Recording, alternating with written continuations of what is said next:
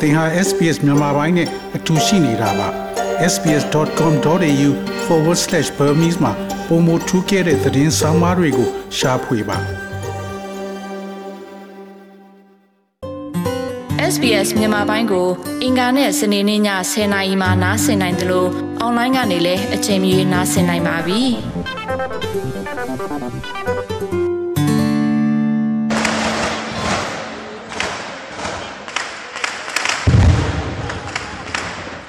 နှစ်တစ်ကူကန်နီမိုမီရှူမီပန်းဖောက်နေတဲ့အတန်တော့မဟုတ်ပါဘူး။ထောင်နဲ့ချီတဲ့ပြည်သူတွေထွက်ပြေးရအောင်ထွက်ပေါ်လာတဲ့တနက်တန်တွေပါ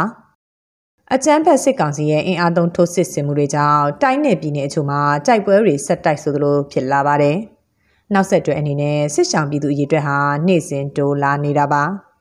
ပြီးခဲ့တဲ့တပတ်ကျော်ကလေးကစတင်ခဲ့တဲ့ကရင်ပြည်နယ်လေးကီကောဒေသတိုက်ပွဲမှာလည်းအခုရက်ပိုင်းအတွင်းစစ်ကောင်စီကလေကြောင်းနဲ့ပါတိုက်ခိုက်လာတာကြောင့်ထောင်နဲ့ချီတဲ့ပြည်သူတွေဟာထိုင်းနိုင်ငံဘက်အထိထွက်ပြေးတင်ရှောင်နေကြရပါတယ်။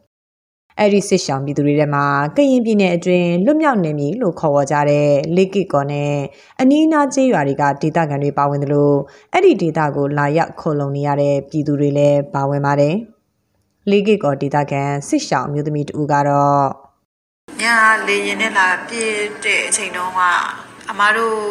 နေတဲ့နေရာနေတော့တန်ရကြားရတယ်။လန့်တာပေါ့နော်။နောက်ထပ်ထပ်ပြေးအောင်မလားဒီဘက်ဒီကိုလာကြတော့မလား။ထပ်ပြီးတော့လည်းထပ်ပြီးတော့လည်းပြေးစရာလည်းမြေမရှိတော့တဲ့ခါကျတော့ဟိုတို့တို့လာပြီးပြစ်လည်းပဲမထူးတော့ဘူးဒီညမှာပဲတင်တင်ပါစီတော့ဒီတိုင်းပဲနေလိုက်တော့မယ်ဆိုတဲ့အတွေးမျိုးတောင်မှတွေးမိတယ် ခလေးလဲပါတယ်အသက်ကြီးတဲ့အမေလဲပါတဲ့ခါကျတော့အမတို့ပြေးလွှားတဲ့ခါကျလမ်းနေပါလည်းမသိညကြီးပြေးရတဲ့ခါကျတော့ဟိုကြောက်တယ်ပြုတ်ကြတယ်ပြီးတော့အဲ့ဒီခလေးကိုတော့အရင်ဖတ်ထားတာပေါ့နော်ဟိုခလေးလွတ်သွားမှဆိုလို့ခလေးကလည်းအရင်ကြောက်နေတဲ့ခါကျတော့ဟိုဟာဘောင်းမီလေးလည်းပြေးပေါ့အမတို့တော်တော်လေးတော့ဒီဘယ်လိုပြောရမလဲဒီပြေးနေတဲ့ရှောင်းမှာတစ်ကိုင်းနေတဲ့ချစ်မိတာတွေရှိတယ်လွတ်အောင်ပေါ့နော်ကိုယ့်အသက်ကိုလွတ်အောင်တော့ပြေးရတာပေါ့နော် အခုဒီဇင်ဘာလထဲမှာပဲစစ်ကောင်စီကအင်အားသုံးထိုးစစ်ဆင်နေတဲ့တဲမှာကရင်ပြည်နယ်၊ကယားပြည်နယ်၊ရှမ်းပြည်နယ်မြောက်ပိုင်း၊ကချင်ပြည်နယ်၊စကိုင်းတိုင်းနဲ့မကွေးတိုင်းတို့ပါဝင်ပါတယ်။အဲ့ဒီလိုထိုးစစ်ဆင်တိုက်ခိုက်ရမှာလေကြောင်းတိုက်ခိုက်မှုတွေပါလှုပ်ဆောင်လာတာပါ။ အခုလာတယ်မှာပဲစစ်ကောင်စီကတိုက်လေရင်နဲ့ရဟတ်ရင်တွေတုံးပြီးပုံကျဲတိုက်ခိုက်တာတွေကိုစကိုင်းတိုင်းမကွေးတိုင်းရှမ်းပြည်နယ်မြောက်ပိုင်းမွန်ဂိုနဲ့ကရင်ပြည်နယ်လိကစ်ကောကော့ဂရိတ်စတဲ့ဒေသတွေမှာကြုံတွေ့နေကြရတာပါမကွေးတိုင်းခန့်ကောမြို့နယ်အတွင်းမှာရှိတဲ့နှမ်းခါရွာကိုစစ်ကောင်စီကဒီဇင်ဘာ16နဲ့20မှာလေရင်နဲ့ပစ်ခတ်တာတွေကျေးရွာအတွင်းဝင်ရောက်မှွေနှောက်မိရှို့တာတွေကြောင့်နှမ်းခါကျေးရွာကပြည်သူပေါင်း4000ကျော်ဟာစစ်ဘေးတိမ်ရှောင်ခဲ့ရပါတယ်။ နှမ်းကားလေကြောင်းတိုက်ခိုက်မှုဖြစ်စဉ်ကိုကိုတွေ့ကြုံခဲ့ရပြီးလက်ရှိမှာစစ်ပေးဆောင်တွေကိုကူညီပေးနေသူတို့ကတော့စစ်တပ်ရဲ့လှုပ်ဆောင်ချက်တွေနဲ့ပတ်သက်ပြီးအခုလိုပြောပါတယ်။ဟက်စကင်းစီနီဒတာဟက်စကင်းဂျက်ဖိုက်တာနဲ့စီပြစ်တယ်ကျွန်တော်တက်လျင်အပေါ်နေရှိနေတဲ့အချိန်မှာအားလောက်ကြမယ်နာရီဝက်45မိနစ်လောက်ကြမယ်ပြစ်တာအဲ့ချိန်မှာတော့ထွက်ပြေးလို့မရဘူးကျွန်တော်တို့ကုန်ပြီးကုန်မှာတော့ထွက်မပြေးဘဲနဲ့ဟိုလက်ဆောင်တဲ့နေရာမှာအကွယ်တစ်ခုမပုံနေတယ်သူတို့ပြန်သွားပြီဆိုတော့ကျွန်တော်တို့ကအကုန်လုံးတွားထရတွေအကုန်လုံးပြေးကုန်ရတယ်ဗျ။ အဲ့ဒါပြီးတော့ပြစ်မဲ့ပြည်သူကိုနွားကြောင်းတဲ့လူနာကောင်လင်းဆွဲတဲ့လူတယောက်ကိုနှစ်ယောက်ကိုပေါ့နော်လက်တံကျော်တုတ်ပြီးနောက်ကလေးလည်းလူပြီးဥခေါင်းကိုတနေ့နဲ့ပြစ်ထားခဲ့တယ်ဗျဟုတ်ဒါပြီးတော့ခီးသွားပြည်သူရှစ်ဦးပါလာတာ၅ဦးကတော့ဟိုတနေ့ပြစ်သက်ခံရတယ်ဗျဟုတ်လောင်းနေရတော့ဟိုနေ့ကတော့ဟိုဟာနေ့ကချက်ကိုင်းနေ့ကဟိုတချို့ပေးလိုက်ပါပြီဗျဟုတ်ဒီလည်းမိရှုသွားတဲ့တဲ့စစ်ပြီးဆောင်လို့စီဝါတို့အဝက်စားတို့စားတော့ဆန်အောင်ဆန်လို့အဲ့တော့လေပွဲချင်းအောင်လို့ရှိသေးတယ်စီတွေကတော့မရှိတော့ဘူးဗျ ကြီးလည်းအကုန်လုံးကြီးပါသွားတယ်ဗျဟုတ်မိဆောင်နေနေတာသွေးတိုးယောဂါကြီးသွေးတိုးယောဂါတွေဘိုးခံစားရတယ်သူတို့ကြောက်တရားနဲ့ဖြစ်တဲ့သွေးတိုးတာတို့အမူးလဲတာတို့ဖြစ်တယ်ဗျအဲ့ဒီတော့ချက်ကူးရင်းနေရဟက်စကီဒီလေးနေလာတယ်လူကြလုံးမူးလေးပြီးမှတယောက်ပြေးသွားတယ်တည်ဆုံးသွားတယ်ဗျအသေးက60ကျော်ခွဲ7နီးပေါ့ဗျအဖွားကိုပေါ့နော်ဒီတူတွေကဘာမှမလုပ်ဘဲနဲ့သူတို့ကကိုယ်ကိုလာပြီးမှကိုယ်ကတိုက်တယ်ပြီးစောကြီးကလည်းအဲလာပြီးမှပစ္စည်းတွေယူသွားတယ် ဒီနေ့မှာပစ္စည်းတွေမထားရအောင်တော့ပဲဆိုးတယ်ဗျအခုသူတို့တက်ပွဲကဘာရှိဘာကိုတိုက်တာလဲကျွန်တော်ပြည်သူကိုပြန်တိုက်တာလားဘယ်သူကိုတိုက်တာလဲဆိုတော့ပြန်ပြီးချင်းတယ်ဘာလို့လဲဆိုကိုပြည်သူတွေကိုပဲပြစ်နေတယ်သူက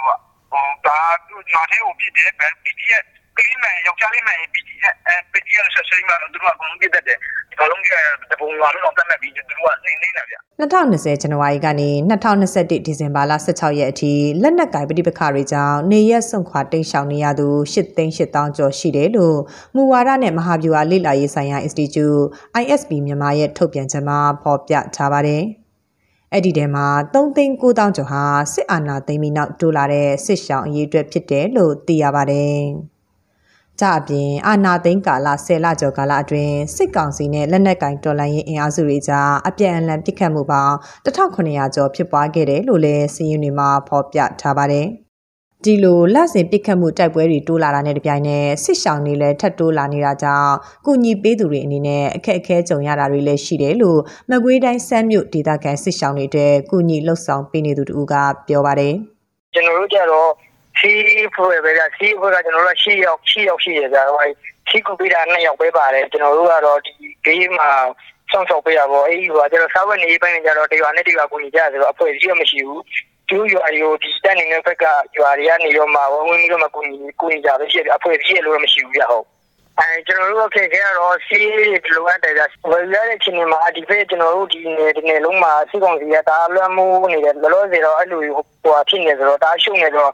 ဝယ်ရတော်တော်လေးချက်ခဲတယ်ဗျဒီရွာနီးနေဝယ်လို့ရတဲ့နေရာပဲရှိတယ်ဝယ်လို့ရရှိရှိဝယ်လို့မရရှိရှိအစီမစုံနေမှုလို့ဖြစ်တယ်ကြောင့်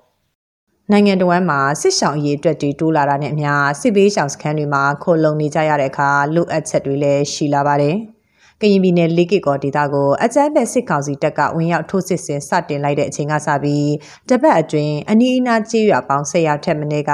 ပြည်သူတထောင်ဝန်းကျင်စစ်ပေးရှောင်နေကြရတာပါ။ ကရင်ပြည်နယ်လေးကစ်ကောဒေတာကိုအကြမ်းဖက်စစ်ကောင်စီတပ်ကဝင်ရောက်ထိုးစစ်ဆင်စတင်လိုက်တဲ့အချိန်ကစပြီးတပတ်အတွင်းအနီးအနားကျေးရွာပေါင်း10ရွာထက်မနည်းကပြည်သူတထောင်ဝန်းကျင်စစ်ပေးရှောင်နေကြရတာပါဖះကြောင်စတင်ကြောင်ဘုံကြီးကျောင်းတွေမှာတွားရောက်ခိုလုံကြရတာတွေယာယီစစ်ရှောင်စခန်းတွေမှာပါခိုလုံကြရတာကြောင့်လူဦးရေနဲ့နေရာလုံလောက်မှုမရှိတဲ့အခက်အခဲတွေကိုစစ်ရှောင်ပြည်သူတွေရင်ဆိုင်နေကြရပါတယ်။ ကြအပြင်စစ်ဆောင်ရည်အတွက်နဲ့တောက်သုံးရည်လုံလောက်မှုမမျှတတာတကူရည်တန့်ရှင်းမှုအတွက်အားနည်းတာတွေရှိလာတာကြောင့်စခန်းတွေမှာဝမ်းယောဂခံစားရတာတွေပါရှိလာတယ်လို့စစ်ဆောင်စခန်းမှာရောက်ရှိနေတဲ့အမျိုးသားတူကဆိုပါတယ်။ဒါပေမဲ့အဲ့မှာရှိနေတဲ့ရဲဘော်တွေဆိုလို့ရှိရင်လည်းဟိုအရှုဆိုရင်သူတို့ကသူစားမဲ့ဟာကိုကျွန်တော်တို့ကြွေးတယ်။အဲ့လိုမျိုးပေါ့။ဘာလို့သူတို့ကျတော့စားမစားပဲနေနေနိုင်တယ်။အဲအဲ့လိုမျိုးကျွန်တော်တို့ဟိုဦးစားပေးပြီးတော့ဆိုတော့ကျွန်တော်တို့အရင်တော့အခက်ခဲတော့မရှိဘူး။ ဒါပေမဲ့အဲ့မှာအခက်ခဲတာကဘာဖြစ်လဲဆိုတော့ဒီတောင်းမယ်ဆိုရင်စမ်းကြောင်းကြီးကိုတောက်ပါလေ။အဲကျွန်တော်တို့ကျိုးအဲ့ဒီစမ်းကြောင်းကြီးတောက်ရတဲ့ဝမ်းပြောင်းဝမ်းလျှော့ဖြစ်တာတော့အဲ့လိုမျိုးမှတ်ဖြားတော့ဗောနော်ချင်းနေပါရှိတယ်မှတ်ဖြားတော့အဲ့လိုရှိတယ်။ရေကြိုးတော့ဖို့ကြောင့်မီးဖို့ကလည်းမရဘူးလေ။ဘာလို့ဆိုမီးဖို့မယ်ဆိုအဲ့ခွေးရဒီ drone တွေနဲ့ပတ်ပြီးတော့ရိုက်နေတာဖြစ်တဲ့အတွက်မီးစားမြင်လို့ရှိရင်ဟိုအဖြစ်မှာ ဟိုအနေရှိရဆိုတော့ကျွန်တော်ကမီးကိုလည်းအရင်ချွေတာတောင်းရတယ်။အဲအဲ့လိုပေါ့ပြီးတော့အရင်တောင်ကြားဖြစ်တဲ့အတွက်အရင်အေးတဲ့တချို့တက်ကြီးရွယ်ဦးတွေဆိုလို့ရှိရင်အဲ့မှာလင်းကောင်းတော့ဝမ်းရှော့အဲ့လိုအဲ့လိုမျိုးဖြစ်တယ်ပေါ့နော်။အမျိုးသားညီညွတ်ရေးအစိုးရ NUG ကလည်းထိုင်းမြန်မာနယ်စပ်မှာရှိတဲ့စစ်ဝေးရှောင်ပြည်သူတွေအတွက်စားနပ်ရိက္ခာထောက်ပံ့ကူညီတာတွေပြုလုပ်ခဲ့တယ်လို့သိရပါတယ်။ ဒါအပြင်ပြည်သူမှာပြည်သူပဲရှိတယ်ဆိုတဲ့အတိုင်းဒေသအသီးသီးကတိုးလာတဲ့စစ်ဆောင်ပြည်သူတွေအတွက်လိုအပ်တဲ့အကူအညီတွေကိုပြည်သူအချင်းချင်းပေးပို့ကူညီတာတွေလည်းရှိပေမဲ့တပြိုင်တည်းမှာလုံလောက်နိုင်မှုကခဲရင်နေပါသေးတယ်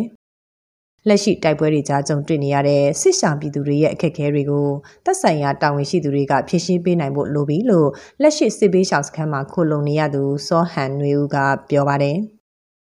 အဲ NUG အစိုးရပေါ့နော်ပြည်သူလူထုကရွေးကောက်တင်မြှောက်ထားတယ်ဒါအပေးထောက်ခံထားတဲ့လက်ရှိမှာအစိုးရတရက်ပေါ့နေနဲ့ပေါ့ညီမတို့ဒါဘယ်လိုပဲအခက်အခဲတွေရှိရဲဆိုတာဟိုအခက်အခဲတွေရှိရဲဆိုတာညီမကနားလဲတယ်ဒါပေမဲ့ဘယ်လိုအခက်အခဲတွေရှိပါစေညီမတို့ကဒါလက်ရှိအခြေအနေမှာဒုက္ခရောက်နေရတာပြည်သူတွေဖြစ်တဲ့အတွက်ဒီပြည်သူတွေကိုညီမတို့ကဟိုအလင်းအမြန်ဆုံးအမြန်ဆုံးနည်းနဲ့ပါဝင်ကူညီပတ်မိုးပေးစေခြင်းနဲ့ပေါ့နော်ထိထိရောက်ရောက်ကူညီပတ်မိုးပေးစေခြင်းနဲ့ပေါ့ဆိုတော့ညီမအမြဲတမ်းပြောနေကြစကားလို့ပေါ့မြေပြင်ဓာတ်ရိုက်ပေါ့အရောက်ပေါ့ပတ်မိုးကူညီပေးစေခြင်းပါတယ်လို့ပြောချင်ပါတယ်ကြာမြင့်လာတဲ့အာနာသိန်းကာလအတွင်းထပ်တိုးဖြစ်ပေါ်နေတဲ့တိုက်ပွဲတွေကြားမှာပြည်သူတွေရဲ့တော်လှန်ရေးစိတ်သက်တွေကတော့ခိုင်မာနေစေပါဒါပေမဲ့စစ်မှန်တဲ့ Federal Democracy နိုင်ငံတော်စီအရောက်လမ်းမှုမျှော်လင့်ချက်အတွက်လက်တလောကြုံတွေ့နေရတဲ့စိန်ခေါ်မှုတွေကိုစစ်ရှောင်ပြည်သူအလုံးကတော့စိတ်ခွန်အားတွေနဲ့ကြော်ဖြတ်လို့နေပါတယ်ဒီသတင်းဆောင်မကိုတန်လင်ခက်ကပေးပို့ထားတာဖြစ်ပါတယ် SBS Radio ရဲ့သတင်းမျက်မှောက်ရေးရာနဲ့စိတ်ဝင်စားဖွယ်ရာအကြောင်းအရာတွေကိုသင်မာသာစကားနဲ့နားဆင်နိုင်ပါတယ်။ဆွေးနွေးမှုတွေမှာပါဝင်ခြင်းနဲ့ဆိုရင်လည်း sbs.com.au/bemis ကိုတွားပြီးတော့ပါဝင်နိုင်ပါတယ်ရှင်။ SPS မြန်မာပိုင်းကို Facebook ပေါ်မှာ like ရှာပြီး like မျှဝေမှတ်ချက်ပေးပါ